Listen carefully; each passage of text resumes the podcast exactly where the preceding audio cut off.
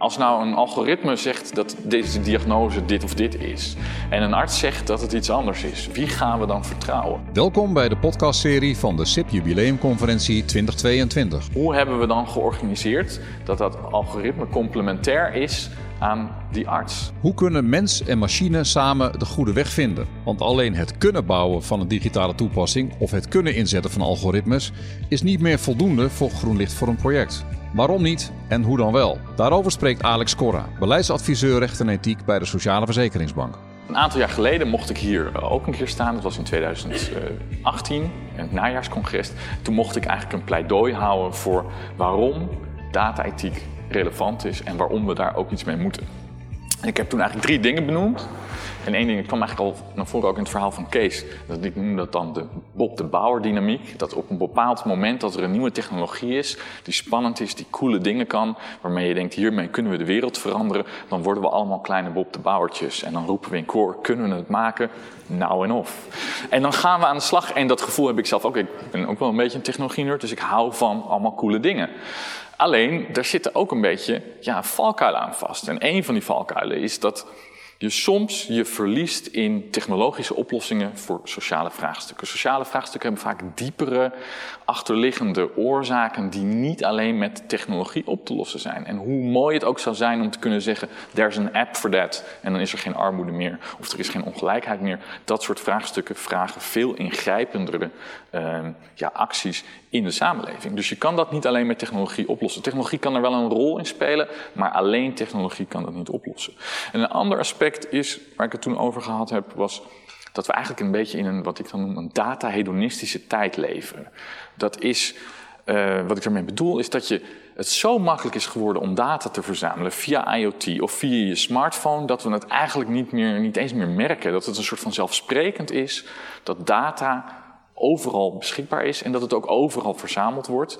En dat ja, een beetje daarin een soort van misschien in slaap gesust zijn soms en te weinig onszelf afvragen: is deze data nou echt ergens voor nodig? Waar, waar verzamelen we dit voor? Of doen we het gewoon omdat het kan? En dat waren voor mij op dat moment ja, drie dynamieken waarvan ik dacht, daar moeten, dat zijn voor mij aanleidingen om meer te willen doen met data-ethiek. Nu zijn we een aantal jaar verder. Natuurlijk ja, best wel ingrijpende jaren gehad de afgelopen vier jaar. Corona is daar natuurlijk een belangrijke gebeurtenis in geweest, heeft grote impact op ons leven gehad. Um, is een gebeurtenis die ook heel erg geraakt is door technologie. Technologie heeft voor een groot deel mogelijk gemaakt dat we in de coronatijd toch door konden gaan met ons werk. We konden allemaal online werken. En ook als het gaat om uh, bijvoorbeeld het onderwijs, zie je dat doordat ja, er een enorme implementatie is geweest van videobellen en online leren, de leercontinuïteit voor een belangrijk deel in stand kon worden gehouden. Maar ja, daar zitten ook andere aspecten aan. En wat je bijvoorbeeld nu veel meer ziet, is dat de digitale infrastructuur die bijvoorbeeld voor leren gebruikt wordt, ook gebruikt kan worden om studenten en leerlingen te controleren. Je kan met mooie AI-applicaties en gezichtsherkenning controleren of de leerlingen wel bij de les zijn. Of je kan, uh, als een college, een webcollege wordt gegeven, kijken naar alle cameraatjes en dat in de gaten houden. Op welke momenten verliezen mensen nou hun aandacht? Op zich zijn dat, kan je zeggen, nou dat is best wel handig. Daar kan je de onderwijskwaliteit heel erg gepinpoint mee um, uh, verbeteren. Want je ziet precies waar ja, de dips in aandacht zijn. Of je ziet precies wie de goede leraren zijn. Maar je ziet ook precies wie de vervelende kinderen zijn. Of de studenten die niet zo goed opletten. En willen we dit? Vinden we dit nou niet ook een, een, ja, een andere kant van dit verhaal. Waar we toch ook over moeten nadenken? Een ander voorbeeld van uh, een, een, een gebruik van technologie. Wat toch een beetje op een andere manier heeft uitgepakt, is, dit artikeltje wat ik een tijdje geleden tegenkwam. En dat ging over de inzet van camera's die op zelfrijdende auto's zitten voor handhavings- en opsporingsdoeleinden. In San Francisco wordt uitgebreid getest met zelfrijdende auto's, omdat natuurlijk Silicon Valley dichtbij is. En er zijn allemaal prachtige projecten voor. En die auto's hebben heel veel camera en sensoren, want die hebben ze nodig om tot een bepaalde mate van autonomie te kunnen komen en veilig te kunnen rijden. Maar uh, ja, die zijn constant allerlei data aan het opnemen. En die zijn ook allerlei uh, uh, beelden aan het opnemen. En in het begin werden die beelden met name gebruikt voor het trainen van die algoritmes die die auto's sturen. Maar, en of, of als er een verkeersincident was geweest om te onderzoeken wat er dan precies gebeurd was. Maar ja, uiteindelijk is de, het, politie eh, van San Francisco ook gaan vragen om die data in geval van het oplossen van misdrijven. Ze wilden dan de camerabeelden hebben van de zelfrijdende auto's die in de buurt reden van een situatie waar uh, een misdrijf was gepleegd. En dat laat natuurlijk zien een beetje de soort van mission creep dynamiek die kan ontstaan op het moment dat je ja, technologie gaat inzetten op een, op een manier voor één doel, maar niet goed nagedacht hebt over wat je eigenlijk moet doen om te voorkomen dat het misschien voor een ander doel gebruikt wordt. Gelukkig zie je dus wel dat we vandaag de dag ook veel meer ja, kritische reflectie zien op dit soort ontwikkelingen. En als je nou een beetje hoog overkijkt naar waar staan we dan als het gaat om data-ethiek, dan denk ik dat we eigenlijk eerst een soort fase hebben gehad van uh, awareness creëren. Nou ja, dat is misschien tien jaar geleden begonnen, onder andere met natuurlijk uh, Cambridge Analytica, Facebook, maar ook wat er in Amerika is gebeurd natuurlijk met de verkiezingen. In Nederland hebben we natuurlijk ook met de toeslagenaffaire veel meer awareness gekregen voor wat er allemaal met data kan gebeuren en wat de impact daarvan zijn. Je ziet dat daarna een soort van, wat ik dan noem, principal adoption fase is geweest. overal wereldwijd zijn er wel honderden codes opgesteld voor het ethisch hanteren van technologie, van AI en van zelflerende uh, uh, algoritmes. En uh, dat zijn prachtige codes waar allemaal dingen in staan waar we allemaal het waarschijnlijk mee eens zijn over transparantie, over begrijpelijkheid, um, over non-discriminatie. Maar een volgende fase is natuurlijk, hoe ga je dat nou inbedden in je organisatie? En hoe implementeer je dat nou concreet in projecten?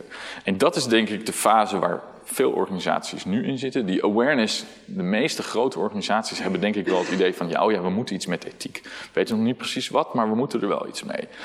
Uh, die principle adoption, daar zitten ook best wel wat organisaties nu in. Hè. Bijvoorbeeld recentelijk het UWV heeft een data-ethisch kompas geadopteerd... waarin ze de principes uiteenzetten die zij hanteren voor het gebruik van algoritmes. En een aantal organisaties is ook al heel bezig met die concrete inbedding van hoe ga je dat nou ja, eigenlijk laten leven in je organisatie. Wij zijn daar zelf ook mee bezig.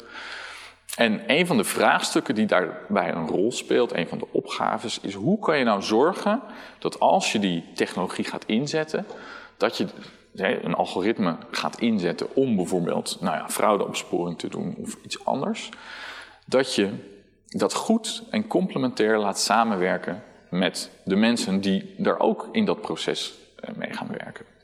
En dat is denk ik een van de ja, belangrijke uitdagingen als het gaat om als we die algoritmes gaan inzetten, en dat gaan we doen, want dat is eigenlijk een soort van ja, een, een beweging die niet te stoppen is, omdat het ook allerlei voordelen met zich uh, meebrengt en ook, ja, ook weer zo gewoon is geworden. Want in jouw telefoon zitten honderden algoritmes en ja, daar, daar vind je, soms denk je, nou vervelend, maar doorgaans merk je er niks van en ben je er heel blij mee. Dus als dat toch gaat gebeuren, hoe kan je dan zorgen dat mens en machine op een goede manier kunnen samenwerken, waarmee ze ook iets toevoegen aan elkaar? En eigenlijk zou je dan willen, dat, hè, dat is de ambitie, dat de, die technologie, die mens en die machine zo samenwerken als een centaur, de mythische centaur. Dat was een, een Grieks mythologisch wezen, dat bestond uit de onderkant van een paard, wat de kracht van het paard had en het intellect van de mens. En daarmee een soort van, ja, bijna onverslaanbaar was het. het was, de som van de delen uh, was meer eh, dan het, uh, het, wat ze samen waren. En dat zou je misschien ook willen als het gaat om AI. Dus de inzet van AI zou eigenlijk moeten leiden tot een situatie waarbij je zegt: het is de rekenkracht van de computer, maar in combinatie met menselijke creativiteit en het menselijke beoordelingsvermogen en het menselijke morele kompas, die samen ervoor kunnen zorgen dat je mooie dingen kan doen. Het omgekeerde kan natuurlijk ook gebeuren. En dat is waar we voor moeten waken. Want hè, dit is misschien de best of both worlds. Maar wat natuurlijk in de praktijk ook vaak gebeurt, is dat we, dit is de ambitie, maar het resultaat is soms dat je bij de worst of both worlds uitkomt. En wat kunnen we nou doen om dat laatste in ieder geval te proberen te vermijden? Nou, dat betekent dat als je gaat nadenken over data-ethiek en hoe je dat in je organisatie kan implementeren, dat je niet alleen moet focussen op datakwaliteit, wat natuurlijk een superbelangrijk onderwerp is. Het voorkomen van bias, dat is op zich al, al best lastig. Um, de kwaliteit van het algoritme. ja, heb je niet last van model drift? Uh, is er niet last van overfitting? Allemaal dat soort meer technische aspecten die gekoppeld zijn aan algoritmes, dus data en het algoritme zelf. Maar waar je ook heel veel aandacht voor moet hebben, en dat is een van de lessen die wij zelf bijvoorbeeld aan het leren zijn, is de context waarin dat algoritme ingebed gaat worden. In wat voor soort organisatie gaat die, dat algoritme ja, een rol spelen? Bijvoorbeeld, in wat voor soort proces komt dat algoritme terecht? En hoe gaan we zorgen dat die complementariteit, die we, die we allemaal nastreven, of die, die in ieder geval geroemd wordt als een van de mogelijkheden, dat die ook daadwerkelijk met maatregelen in dat proces terugkomt? Een ander aspect waar je naar moet kijken is, wat voor soort mens gaat er nou eigenlijk met dat algoritme samenwerken? Is dat een professional? Hè? De ambitie is dat we natuurlijk allemaal professionals zijn, weldenkend, eh, wel overwogen, met de juiste competenties. En waarbij zo'n algoritme misschien een advies geeft wat je meeweegt in je beslissing, maar uiteindelijk toch nog de human in de loop die zelf die keuze maakt, waarbij die dat uh, advies van het algoritme goed afweegt. Of is die mens eigenlijk meer een soort werkbij, die misschien zelfs wel door dat algoritme wordt aangestuurd en eigenlijk heel weinig zeggenschap heeft in dat proces. Dus denken we genoeg na over wat voor soort ideaalbeeld hebben we nou voor ogen voor de mens die met dat algoritme gaat samenwerken? Een volgend vraagstuk wat denk ik ook heel van belangrijk of heel belangrijk is en wat vaak een beetje, ja, het is niet zo sexy, het woord komt wel heel vaak voor in stukken, maar als je het hebt over governance, dan denkt iedereen: oh ja, governance. Ja, dat is belangrijk. Um, maar juist bij de inzet van algoritmes is het heel belangrijk om ook na te denken van wat is de governance structuur die we daarop gaan toepassen. Als het gaat om bijvoorbeeld het bewaken van ethische kwaliteit, is dat iets wat bij het ontwikkelteam ligt? Is dat iets wat bij een producteigenaar moet liggen, die aan het ontwikkelteam gevraagd heeft om een algoritme te ontwikkelen? Moet dat bij een proceseigenaar liggen, die over dat hele proces eigenlijk de verantwoordelijkheid draagt? Moet dat bij een compliance afdeling liggen, van bijvoorbeeld juridische zaken? Of moet het bij een CIO-office? Moet er een data-autoriteit zijn? Dat zijn eigenlijk het soort vraagstukken waar je ook over moet nadenken, die veel meer van organisatorische aard zijn. En die gaan over die context, om ervoor te zorgen dat dat algoritme goed kan landen in die organisatie.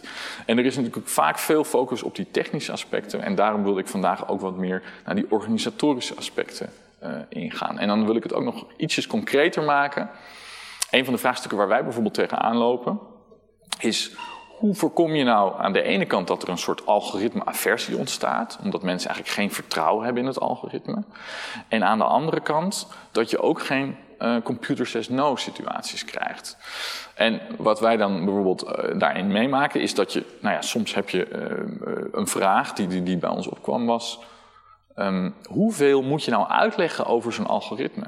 Aan de ene kant kan je zeggen, als je volledig uitlegt en transparant bent aan je medewerkers of aan je beslissers hoe het algoritme werkt, dan is dat hartstikke goed, want dan weten ze het. Maar hebben ze dan niet misschien zelfs te veel vertrouwen op een gegeven moment in dat algoritme, omdat ze zo goed weten hoe het werkt? Moet je niet soms een beetje informatie juist achterhouden om de mensen te stimuleren om kritisch te blijven nadenken? En tegelijkertijd moet je ook weer niet zoveel wantrouwen hebben dat mensen helemaal niet vertrouwen op dat algoritme. Dus hoe ga je daarmee om? Bijvoorbeeld als je een algoritme hebt wat een bepaalde score kan toewijzen, wil je die score meegeven aan iemand die moet beslissen? Of zeg je juist nee, het algoritme heeft uh, deze casus eruit gehaald. Ga het zelf allemaal maar eens bestuderen. En trek dan je conclusie.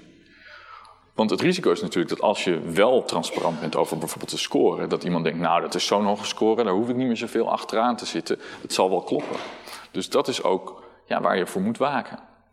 Een ander vraagstuk, en dat, uh, ja, dat noem ik ethical lifecycle management, dat is eigenlijk net ook al een beetje aan de orde gekomen.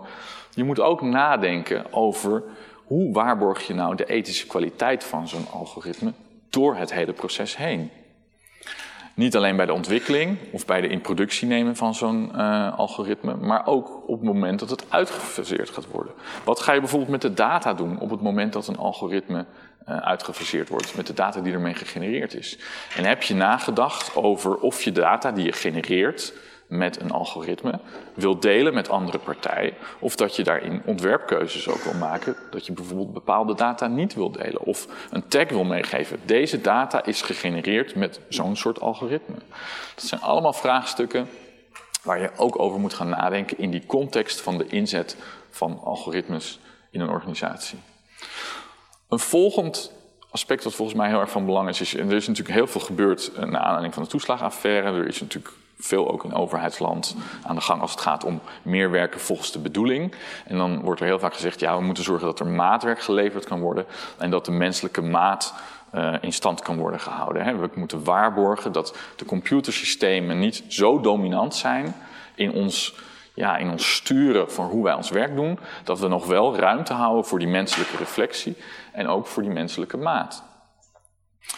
En een van de dingen die daar bijvoorbeeld een rol speelt, en dat is ook een ding wat we zelf ervaren hebben, is wat voor architectuurkeuzes ga jij als organisatie maken om bijvoorbeeld voor de toekomst te waarborgen dat je die menselijke maat nog recht aan kan doen.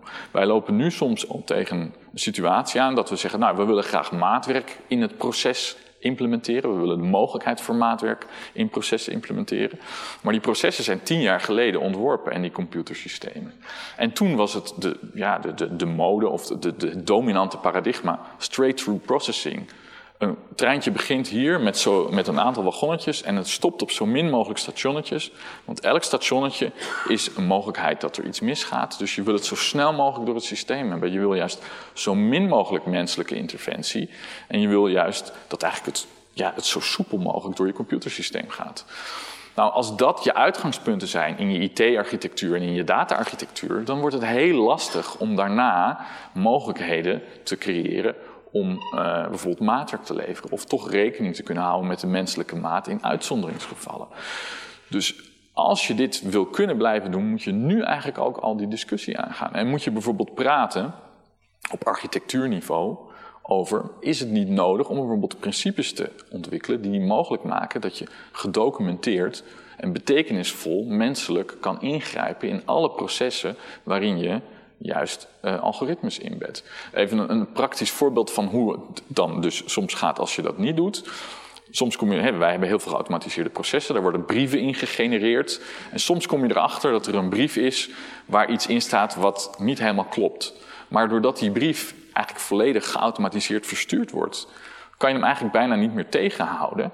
En wat er dan gebeurt is dat je een brief krijgt. En de volgende dag krijg je een brief. Sorry dat we de vorige brief verzonden hebben. We hadden hem uh, niet zo bedoeld.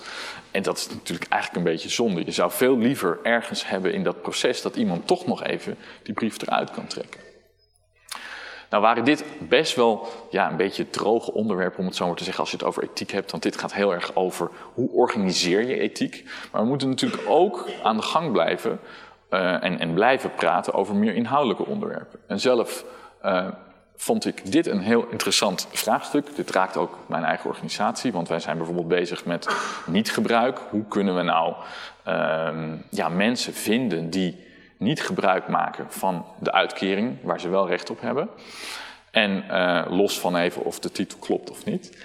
Ehm, ja, zie je dat je eigenlijk dezelfde technologie die je bijvoorbeeld voor fraude kan inzetten, voor een deel ook zou kunnen inzetten voor het vinden van mensen die eigenlijk ergens recht op uh, zouden kunnen hebben. En vind je dat nou geoorloofd of vind je dat niet geoorloofd? En hier speelt natuurlijk ook het gevaar, wat ik eerder ook al noemde, van die auto, die zelfrijdende auto's. Als je nou een prachtig systeem bouwt wat bedoeld is om mensen te helpen, kan dat dan niet later misschien ook gebruikt worden om mensen te straffen? En wat voor soort designkeuzes ga jij dan maken om ervoor te zorgen dat dat misschien niet mogelijk is? Een ander voorbeeld van recent, wat ik zelf ook erg mooi vond, is, of mooi, of in ieder geval interessant was om uh, over na te denken, is. De politie heeft deepfake technologie gebruikt twee weken geleden om uh, aandacht voor een cold case te vragen.